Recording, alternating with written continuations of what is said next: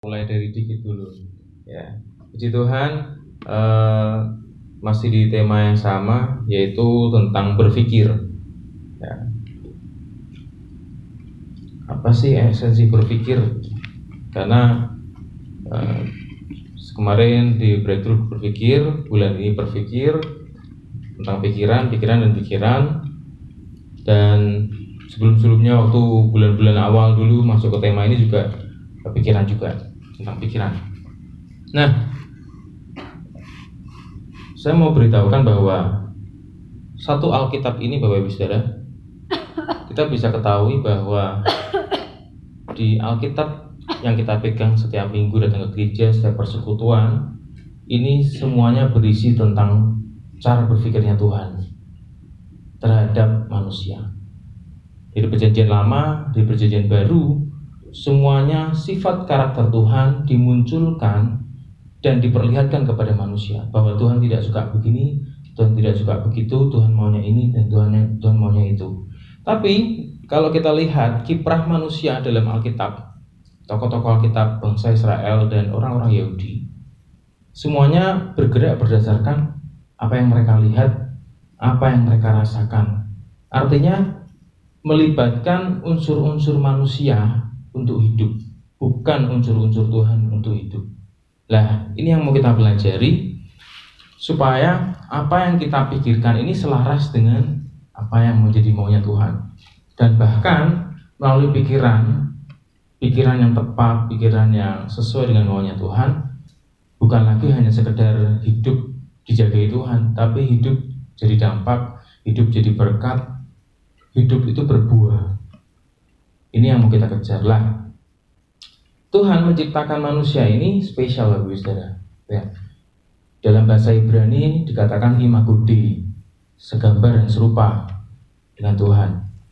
Nah, ini artinya ya Tuhan juga punya hidung, Tuhan punya mata, telinga, dia bisa berpikir, dia bisa berkehendak, sama seperti manusia.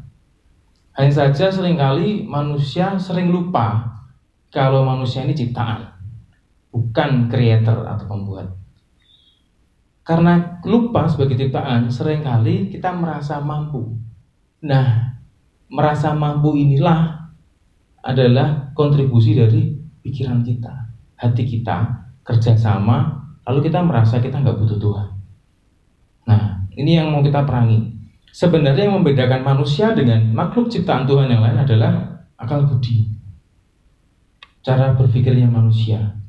Ini yang spesial, yang berbeda dari makhluk ciptaan yang lain. Nah, tapi yang spesial ini sering kali bukan jadi berkat buat diri manusia itu sendiri, tapi jadi kutuk, jadi masalah, jadi trouble. Itu karena cara manusia sendiri yang berpikirnya salah. Nah, kebiasaan berpikir kita yang tidak baik itu menciptakan alam ketakutan. Begitu pula dengan sebaliknya. Cara berpikir kita yang baik itu menciptakan alam damai sejahtera. Kita perlu memilih mana yang mau kita pikirkan. Ketakutankah, damai sejahterakah, tergantung pilihan kita. Atau bahasa teologinya namanya free will, kehendak bebas. Nah, kebiasaan berpikir kita itu sering kali di bawah standarnya Tuhan, Bapak Ibu Saudara. Contoh Alkitabnya adalah Gehasi. Kita semua tahu Gehasi itu siapa? Gehasi itu uh, apa ya? Istilahnya yang bujang ya, bujangnya Elisa. Ya. Elisa bekerja dengan kapasitas roh yang luar biasa. Ada mujizat lepas mujizat, terobosan lepas, lepas terobosan. Gehasi ikut Elisa hingga suatu saat eh, rumahnya Elisa ini dikepung sama tentara Lalu Gesi bilang, Elisa, ini kita dikepung. Gimana ini? Lalu Elisa bilang, kenapa kamu takut? Kamu nggak lihat itu yang lebih ada yang lebih banyak yang meliling mereka. Lalu dibukalah matanya Gesi, dipegang, didoakan, lalu dia bisa melihat tentara Tuhan. Nah, ini yang dimaksud cara pandang kita itu di bawah standarnya Tuhan. Manusia roh melihat berdasarkan standarnya Tuhan. Kita perlu masuk ke standarnya Tuhan Bapak Ibu Saudara. Dimulai dari pikiran kita. Nah, Ada satu lagi contoh, yaitu siapa? Yaitu murid-murid Yesus. Waktu Yesus katakan, ini saatnya menuai. Tapi secara secara musim menuai, sistem uh, pertanian di Israel itu belum waktunya menuai. Masih 3 sampai 4 bulan lagi. Lalu murid katakan, "Duh, Yesus ini masih 3 sampai 4 bulan lagi." Yesus katakan, "Enggak, ini sekarang." Nah, sudah beda cara pandangnya antara Yesus dengan murid-muridnya. Ada beda sistem, ada beda standar. Nah, bagus ya, saya mau ajak untuk kita sama-sama masuk kepada bagaimana kita mempunyai standar standar cara-caranya Tuhan dimulai dari pikiran. Nah, saya teringat sebuah ilustrasi bahwa pikiran kita ini adalah sesuatu yang luar biasa karena dari pikiran ini kita bisa membedakan yang mana yang baik dan mana yang tidak baik. Ibarat kata seperti ini, Bapak Saudara. Di sebuah uh, perkebunan apel, ya, uh, apel-apel ini sudah waktunya matang, sudah waktunya dipetik. Tapi karena kecerobohan para petani, sehingga apel ini tidak dibungkus. Efeknya apa? Muncullah banyak lalat buah nempel di apel itu. Yang terjadi adalah lalat buah itu memasukkan telur-telurnya ke apel. Akhir ceritanya adalah apelnya jadi busuk. Inilah pikiran kita Bapak Saudara. Pikiran kita yang tidak kita jaga itu bagaikan apel ini. Lalat buah itu bukan iblis yang menyuntikkan kepikiran kita melalui apa? Melalui apa yang kita lihat, apa yang kita dengarkan, apa yang masuk telinga eh, telinga kita, apa yang kita rasakan, itu semua mempengaruhi di sini. Informasi-informasi yang berlebihan, informasi-informasi yang tidak penting, informasi-informasi yang membuat kita khawatir. Lah, ini maksudnya di sini dicernanya di pikiran kita. Nah, ini hal yang sangat penting, sangat krusial untuk kita menjaga hal ini. Jangan sampai pikiran kita kacau hanya karena kita mendapatkan informasi yang salah, hoax. Lalu simpang siur sana sini, oh iya toh, jadi takut sendiri. Nah, saya tadi sempat baca berita bahwa bencana alam tsunami di Aceh itu terjadi menewaskan banyak korban karena dikira ada lelucon April Mop. Lelucon yang guyonan yang asal-asalan ternyata sebuah malapetaka beneran. Nah, pikirannya sudah Allah ini paling bercandaan, Allah ini paling nggak serius. Eh tapi ternyata beneran.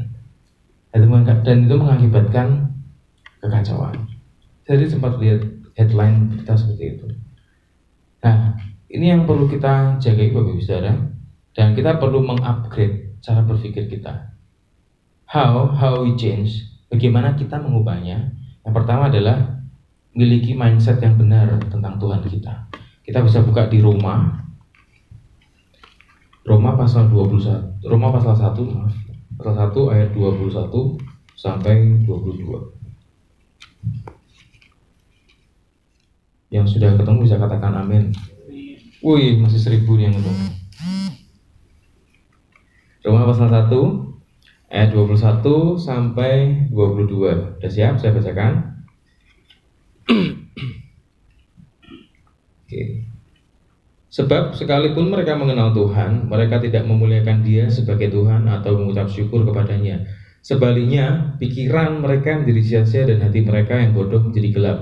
Mereka berbuat seolah-olah mereka penuh hikmat, tetapi mereka telah menjadi bodoh. Nah, dikata mengenal mereka sekalipun mengenal Tuhan, mereka tidak memuliakan Dia sebagai Tuhan. Mengenal tapi tidak memuliakan.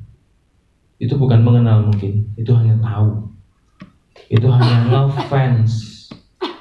Nah, kadang banyak orang Kristen di luar bangga, oh saya Kristen gereja saya di A, di B, tapi hanya sekedar datang, sekedar tahu, doa, sekedar doa, semuanya hanya batasannya sekedar. Itu sama dengan ngefans, kita sebagai fansnya Yesus. fans di mana-mana tidak dapat menjadi bagian dari keanggotaan Yesus. Hanya sekedar fans. Yesus punya fans banyak Bapak Ibu Saudara? Banyak banget. Waktu dia Yesus uh, mau khotbah, akhirnya butuh makanan ya catering lah bahasa sekarang. Dia butuh catering 5000 karena pesertanya 5000. Lalu setelah bikin mujizat 5000 orang, di perikop selanjutnya kalau kita baca itu Yesus juga bikin mujizat 4000 wow banyak sekali tapi ketika Yesus disalib yang 5000 yang 4000 gak ada semua yang 12 murid Yesus juga gak ada terkocar kacir semua yang muridnya yang mengenal itu pun masih hilang hanya berani nampaknya waktu Yesus jadi salib, ah, Yohanes dan ibunya Yesus datang.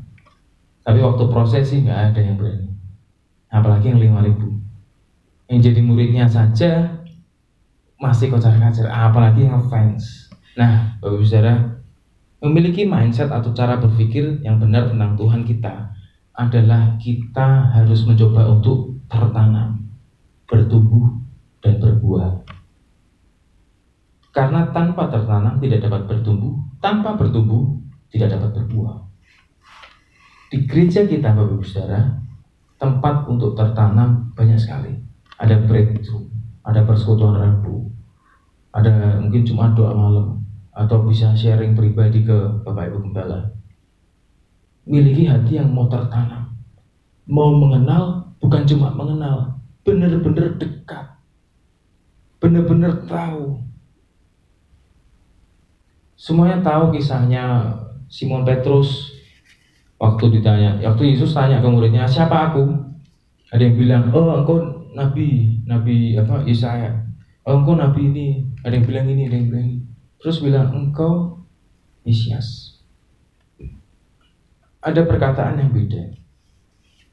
Ketika Roh Kudus masuk dalam diri kita, Bapak Saudara, kita dapat mengenal pribadi Yesus, kita dapat mengenal pribadi Tuhan kita melebihi dari cara pikir kita, Bapak Ibu Melalui firman Tuhan Alkitab ini, Roh Kudus bisa mengajar kita lebih.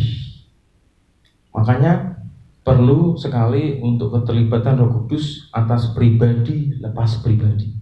Bukan cuma beberapa orang, tapi pribadi lepas pribadi.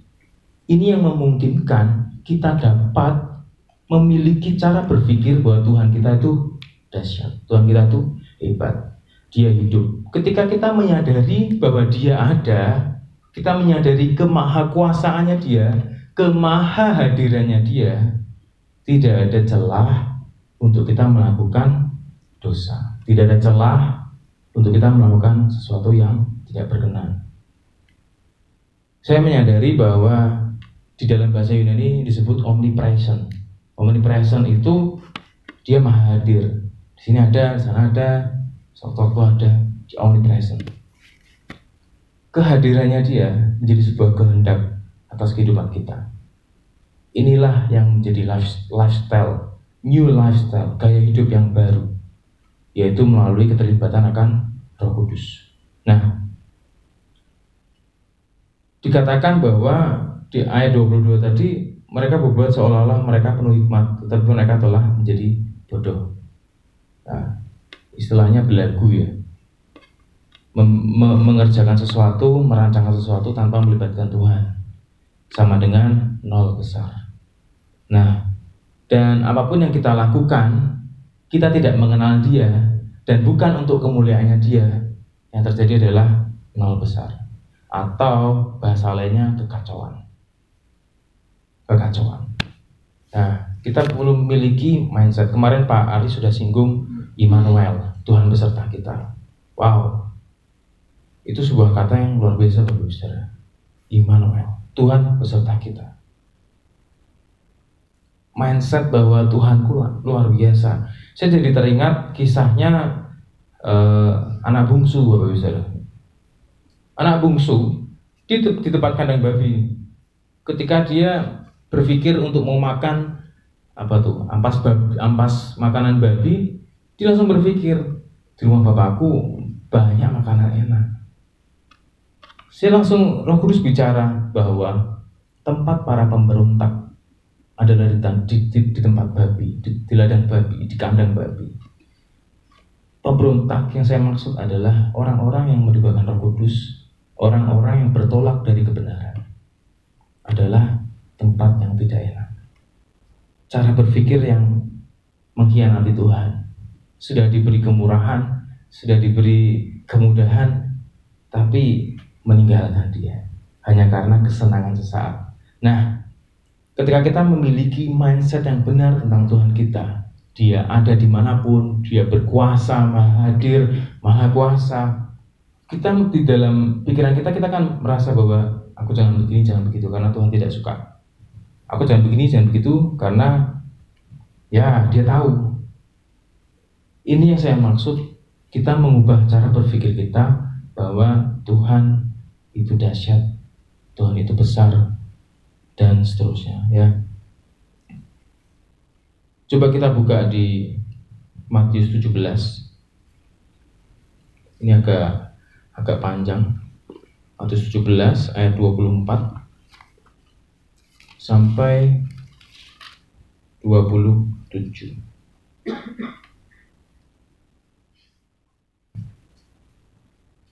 Duh, kok beda ya? Oh, ah, sudah kok beda nih.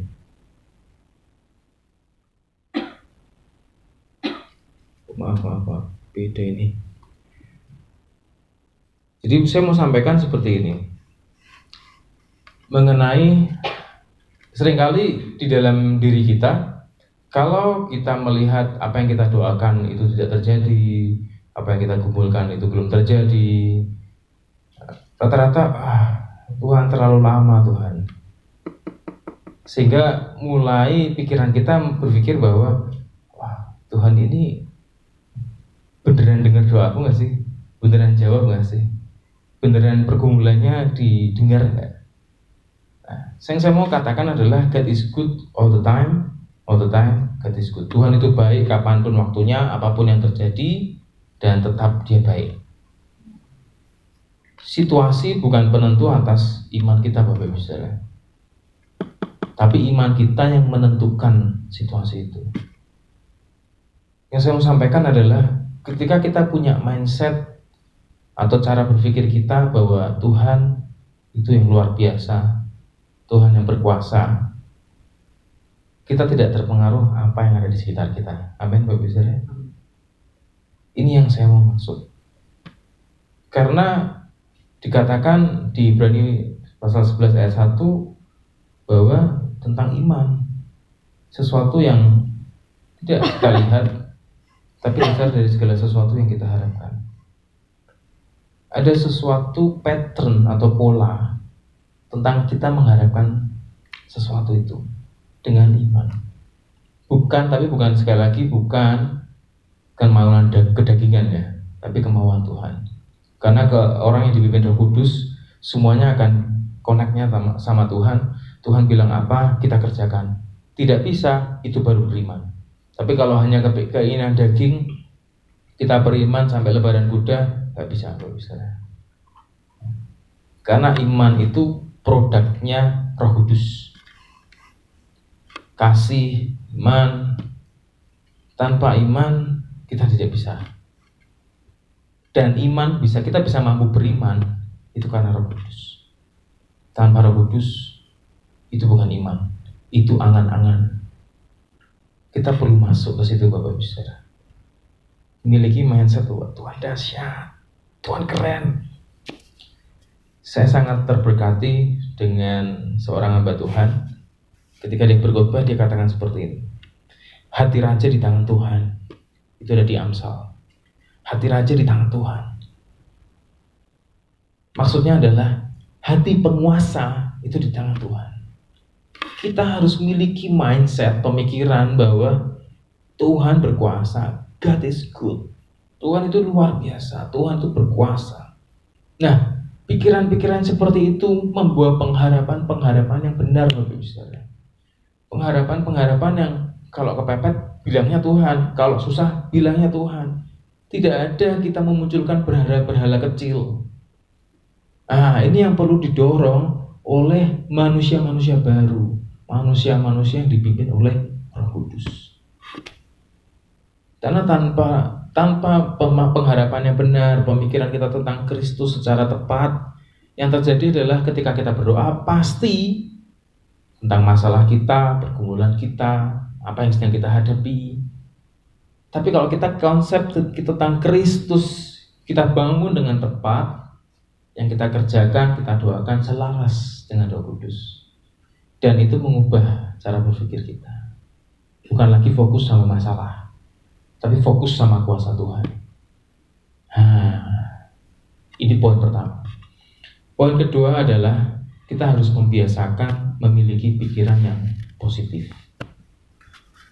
Membiasakan diri memiliki pikiran yang positif. Kita buka di pengkhotbah pasal 10 ayat 20.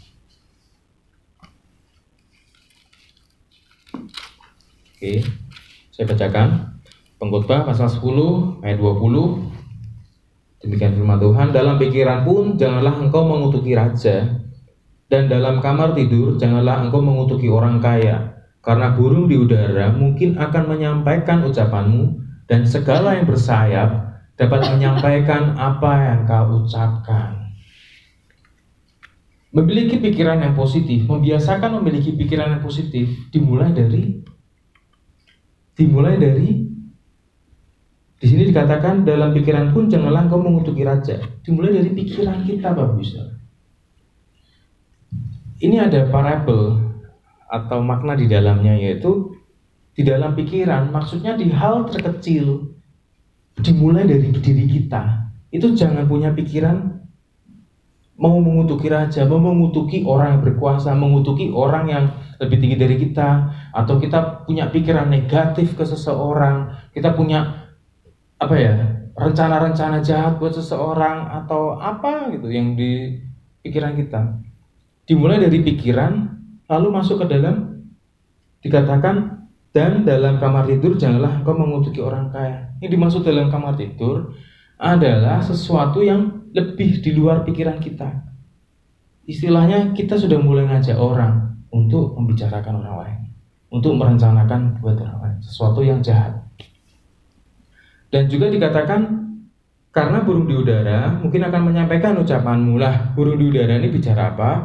Burung udara ini bisa bicara. Satu orang-orang bermacam bangsa, dua orang-orang pelarian, raja bengis, setan atau iblis, keinginan orang jahat dan terakhir kematian.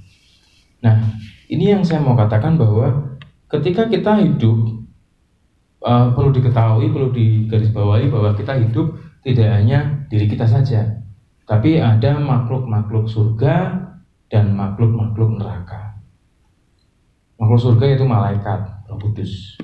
Makhluk, makhluk neraka kita tahu setan-setan, penghulu di udara, penghulu di angkasa, penguasa. Nah, membiasakan pikiran yang positif dimulai dari diri kita, seputar kita. Dikatakan di sini mulai dari pikiran masuk, mulai keluar ke dalam kamar, ini meng, apa ya bahasa Jawanya itu ngerasani orang gitu loh di sini di ayat pengkhotbah ini. Nah kita membiasakan keluarnya pikiran positif. Amin bapak ibu Pikiran-pikiran yang baik, pikiran-pikiran yang membangun, diutarakan nggak apa-apa yang membangun positif. Kelihatan ada misal nih, kita kan mata kita kan jeli ya bapak ibu Kalau ada yang salah dikit langsung, eh, ya warnanya putih ya? Harusnya kan merah merah semua orang putih satu. Lah kan jeli kalau lihat yang lihat yang nggak nggak beres itu jeli. Lah ketika mau ngomong seperti itu nggak nggak nggak nggak mau ngatain nggak mau ngatain nggak mau ngatain. Ya pikirannya dibuang tapi ditegur langsung eh kok putih kenapa ya lah sering kali yang saya pelajari saya baca-baca banyak buku saya ketemu banyak orang yang saya pelajari adalah ketika ada sesuatu yang nggak beres orang itu cenderung apa? Membicarakan. Seharusnya adalah datang ke orang itu, diajak ngomong baik-baik. Kamu kok begini toh? Dengan sebuah pertanyaan. Kenapa? Tapi pada umumnya adalah kita membicarakan. Pikiran-pikiran negatif mulai dari situ, saudara. sudah membicarakan negatif sampai rumah direnungkan negatifnya. Aduh dia double double itu ya. Ya sampaikan ajak ngomong wat mata. Kenapa? Nah membiasakan pikiran positif. Itu sangat penting. Nah saya mau kasih tahu bapak saudara pikiran yang positif itu didasarkan oleh tiga hal ini menurut saya. Yang pertama rasa syukur yaitu rasa syukur yang mengingat pertolongan Tuhan Tadi Pak Budiman sampaikan bersyukur yang tidak bisa terkata-katakan. Wah, ini saingannya Raja Daud nih, Pak Budiman. Kalau kita lihat kitab Mazmur ya, Raja Daud tuh bikin ucapan syukur khusus satu kitab, kitab Mazmur. Semua kata-kata yang baik ke Tuhan sudah ditulis sama dia. Silakan Bapak Ibu sudah baca di rumah kitab Mazmur ada sampai pasal 140 ya. 140 berapa itu? Itu ucapan syukurnya Raja Daud. Nah, yang pertama itu, pikiran positif didasarkan pertama adalah rasa syukur. Yang kedua, memiliki pengharapan yang tepat, yaitu pengharapan ke Tuhan Yesus. Tanpa pengharapan yang tepat, yang terjadi adalah keonaran. Kita berhadap ke manusia, yang terjadi pasti keonaran. Kita berhadap ke siapa, pasti yang terjadi malah petaka. Pengharapan yang tepat. Yang ketiga adalah berada di komunitas yang tepat. Komunitas yang tepat seperti apa? Komunitas yang membangun. Komunitas yang didasarkan untuk kemuliaan Tuhan. Pasti membangun. Gereja, komsel, mungkin persekutuan hukum ini, gak apa-apa. Di mana pun bikin persekutuan, wow itu bagus banget. Selalu berada di komunitas yang tepat. Nah, kita bisa baca di Ibrani pasal 10 tentang komunitas ini ayat 25.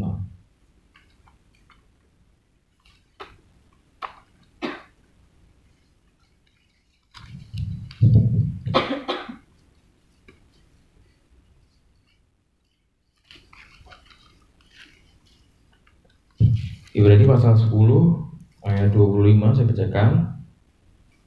Janganlah kita menjauhkan diri dari pertemuan-pertemuan ibadah kita seperti dibiasakan oleh beberapa orang, tetapi marilah kita saling menasihati dan semakin giat melakukannya menjelang hari Tuhan yang mendekat dengan topik perikopnya yaitu ketekunan. Nah, Ibrani ini menuliskan seperti itu. Ya, jangan janganlah kita menjauhkan diri dari pertemuan-pertemuan ibadah karena ketika kita bertemu dalam komunitas yang tepat, komunitas yang terdiri dari orang-orang yang mau menyembah Tuhan, kalau dikelompokkan yaitu zaman sekarang kata uh, sebuah kata yaitu gereja. Ya. kalau gereja di zamannya uh, kisah para rasul dengan bahasa Yunani itu Iglesia yang artinya perkumpulan orang-orang kudus. Tapi ketika roh kudus turun dan terus berkembang konsep perkumpulan orang kudus berubah menjadi base campnya para rasul Ya, gereja di Yerusalem itu menjadi base campnya para rasul. Ketika Rasul Paulus khotbah bersama Barnabas, ketika dia selesai penginjilan dia balik lagi ke Yerusalem untuk kumpul didoakan lagi nanti penginjilan ke mana? Balik lagi didoakan penginjilan ke mana? Balik lagi. Wow, kalau gereja ini bapak saudara isinya perkumpulan para rasul orang-orang yang connect ke Tuhan itu cesdreng gitu loh. Wah ini dahsyat banget. Satu orang bisa buka satu gereja mungkin. Keren banget. Bapak bisa bisa nggak kira-kira? Bisa banget. Dimulai dari kita ngubah konsep berpikir kita. Satu tadi, berpikir Tuhan dahsyat, Tuhan kita luar biasa, Dia maha hadir, maha kuasa. Yang kedua adalah biasakan memiliki pikiran yang positif. Berkumpul dengan komunitas yang tepat, saling membangun, saling menasihati, saling memuji. Di Efesus katakan uh, apa tuh? Keluarkan perbendaharaan yang baik. Ya. Jangan ada yang apa ya menutup-nutupi apa membicarakan di belakang sampaikan ya persekutuan adalah bukti dari kita bertumbuh di dalam gereja Bapak Saudara. Kalau di Yohanes itu di gambarkan tertanam, tumbuh, berbuah. Ada yang akar, eh Tuhan itu Tuhan Yesus itu pohonnya, kitalah batang carangnya yang tidak bertumbuh dipangkas, dibakar. Di gereja, kepala adalah Kristus, gereja adalah tubuh. Kita bagian dari tubuh itu. Jadi komunitas yang tepat adalah gereja, Bapak Ibu Saudara, mari bertumbuh di dalam gereja. Oh, saling berlomba membangun iman, saling berlomba membangun kebenaran-kebenaran yang dari Tuhan.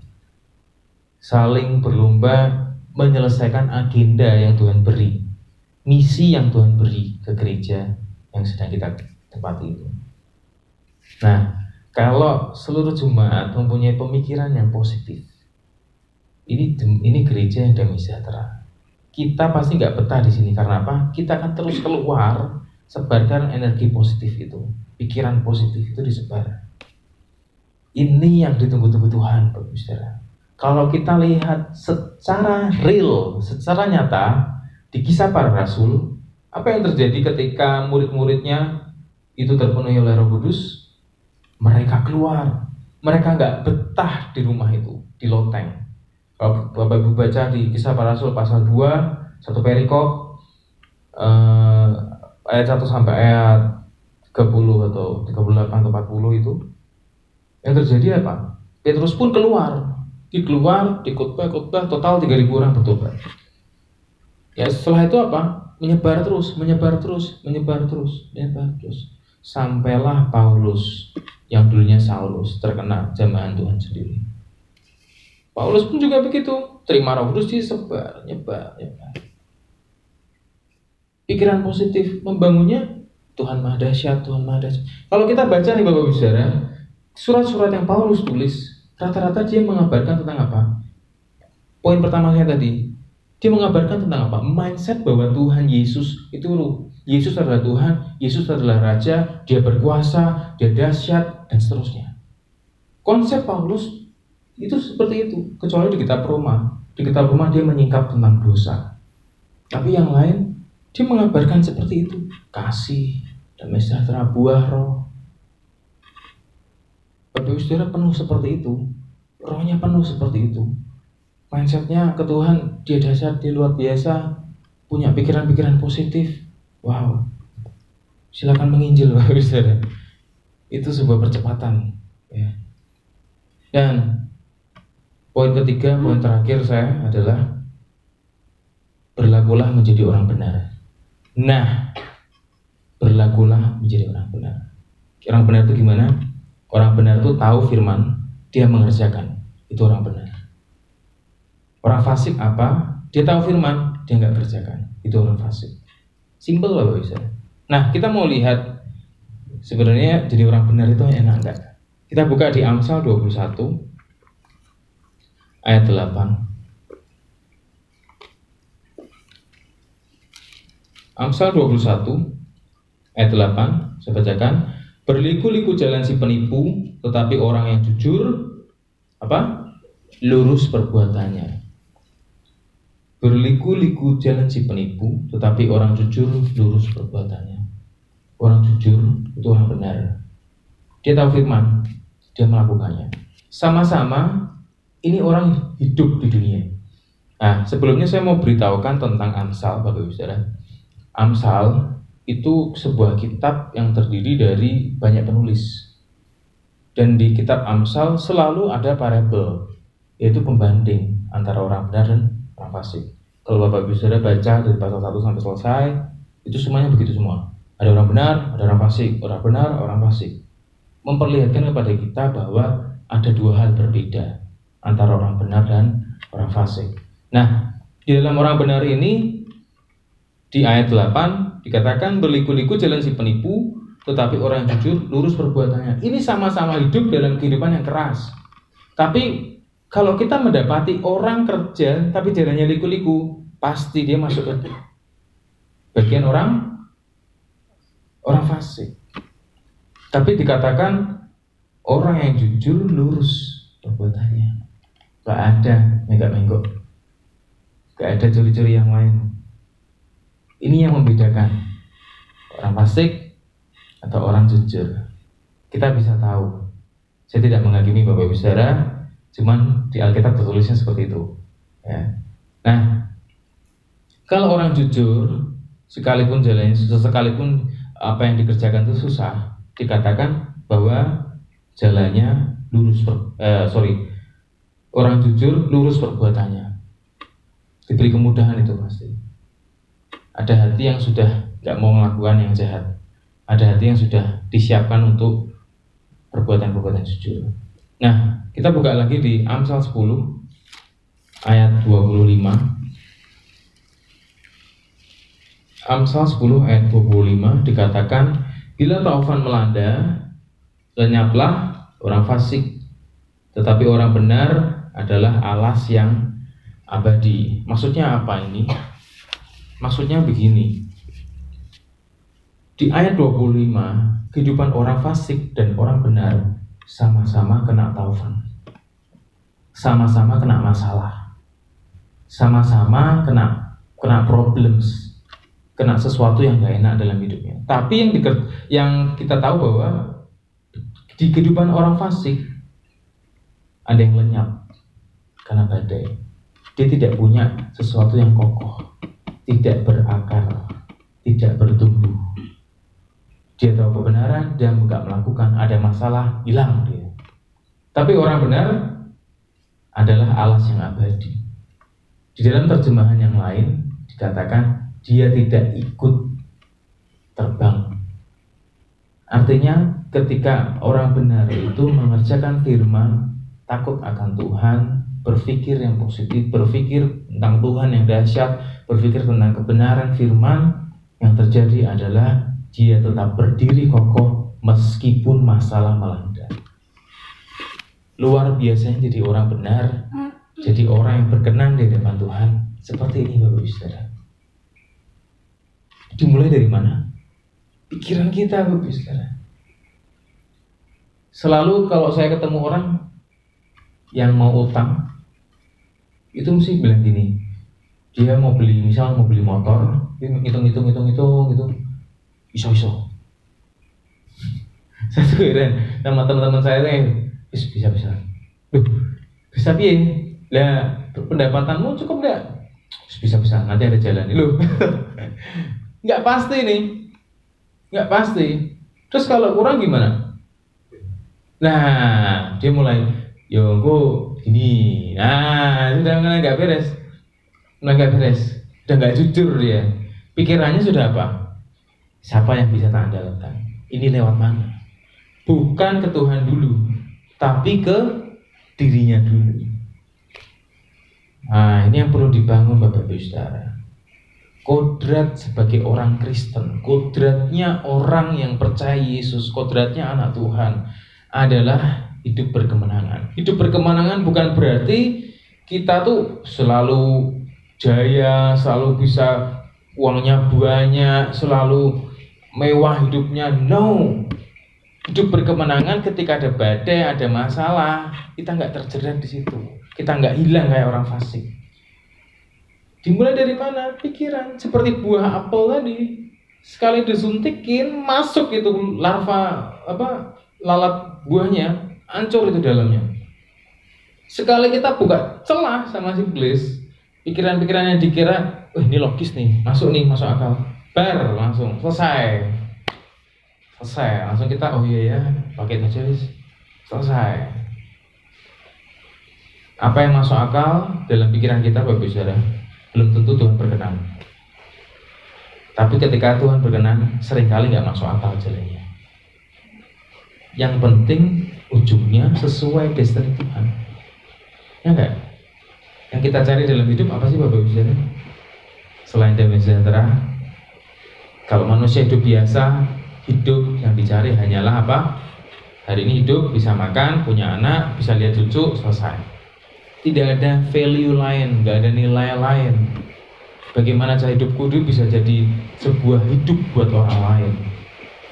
Yesus mengajarkan nilai yang tak ternilai, Bapak Ibu yaitu apa? Kasih sebuah nilai yang tak ternilai. Nah, Kita mesti masuk ke tahap itu. Nah, melihat Kristus, mengenal Kristus, berpikir akan Kristus, berpikir seperti Kristus, saya yakin kita bisa berlaku seperti dia juga. Pastikan Bapak Saudara terkoneksi dengan Kudus. Pastikan itu. Hidup tanpa koneksi dengan Roh Kudus, kita hidup hanya berdasarkan apa? Kenyataan, logika, dan memang semestinya seperti itu. Hidup dengan Roh Kudus, kita melangkah dengan iman, melampaui hal-hal yang bahkan kita nggak pikirkan. Ini konsep yang Tuhan mau bangun di dalam diri kita. Makanya yang pertama yang harus dirubah adalah benahi dulu cara berpikir kita. Kebiasaan-kebiasaan berpikir yang salah udah mulai harus dihilangkan. Saya kerja kalau bisa dikatakan gaji, saya ngomong itu bukan gaji yo. Itu Tuhan kasih berkat sama saya hanya untuk nutup pelayanan saya. Gak lebih, gak kurang, pas. Dan saya nggak pernah mikir kekurangan Enggak, saya cuma mikir gini. Tuhan, Tuhan yang kasih saya berkat. Dia tahu porsi saya, kapan saya kurang, kapan saya butuh. Dia tahu, selesai. Saya nggak mikir lagi. Pernah nggak kurang? Pernah. Saya buka saya saya berdoa Tuhan kosong itu kan. Saya pernah gitu. Nyatanya Tuhan kasih. Saya pernah pelayanan nggak punya uang, nggak bawa duit kalau pikiran manusia pasti gini kalau itu soalnya, soalnya saya pelayanan di luar kota kalau secara manusia pasti gini wah ini bahaya ini kalau di jalan kenapa-napa dan seterusnya dan seterusnya dan seterusnya ya enggak logis enggak bapak bisa logis tapi roh kudus itu bekerja di atas logis kita saya katakan tadi di awal Tuhan selalu punya standarnya lebih tinggi daripada standar kita dan kita tuh selalu dipaksa untuk naik ke standarnya dia Alkitab ini berusaha memaksa kita kita keluar dari zona manusiawi kita kita pakai sunnahnya Tuhan, mengandalkan Tuhan, iman, mujizat, terobosan, itu standarnya Tuhan Saudara. Dimulai dari pikiran. Karena dari karena dari pikiran ini seperti dapurnya kita. Dia yang mengolah. Ini bisa enggak masuk ya. Kalau Tuhan bilang ya, jangan sekali-kali mengolah pakai pikiran kita.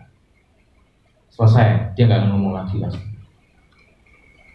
Mari Bapak Saudara, saya mau ajak untuk kita bersama-sama merubah cara berpikir kita merubah kebiasaan berpikir kita yang kurang tepat menjadi tepat yang kurang baik menjadi baik yang kurang mengandalkan Tuhan jadi mengandalkan Tuhan yang jarang berpikir positif jadi berpikir positif yang belum tahu bagaimana jadi orang benar sekarang jadi orang benar saya mau ajak Bapak Ibu untuk seperti itu Supaya apa? Supaya kehidupan kita meningkat levelnya. Hari ini kita jadi pendengarnya firman Tuhan. Besok pastikan jadi pelaku. Itu meningkat terus. Setelah jadi pelaku, pasti jadi pembicara. Pasti. Karena kita melakukan, kita punya pengalaman pribadi dengan Tuhan. Kita share ke orang. Itu bagikan firman. Nah, itu level yang Tuhan mau Bapak Ibu Saudara. Amin. Ya, mari kita tutup Alkitab kita. Kita mau merenungkan firman Tuhan supaya apa yang setelah kita pelajari ini menjadi kekuatan bagi kita mengerjakan hal baru bersama dia. Amin.